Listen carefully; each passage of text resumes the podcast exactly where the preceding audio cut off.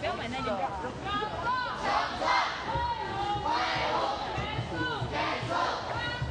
不喜欢很安静。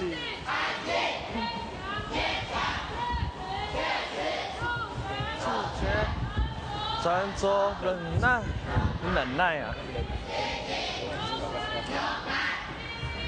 你就是那个他不会发现。哎，大家好，我现在在在哪里？中中继，啊，现在不叫中继了，现在叫中科技大学。台中科技大学。呃，今天来参观一下校园，没想到遇到有人在精神大叔，非常有趣。为什么现在要练这个东西？而且还有一堆妹子哎，他们全部都要去当女兵吗？好厉害哦，佩服佩服。台湾的未来有救了。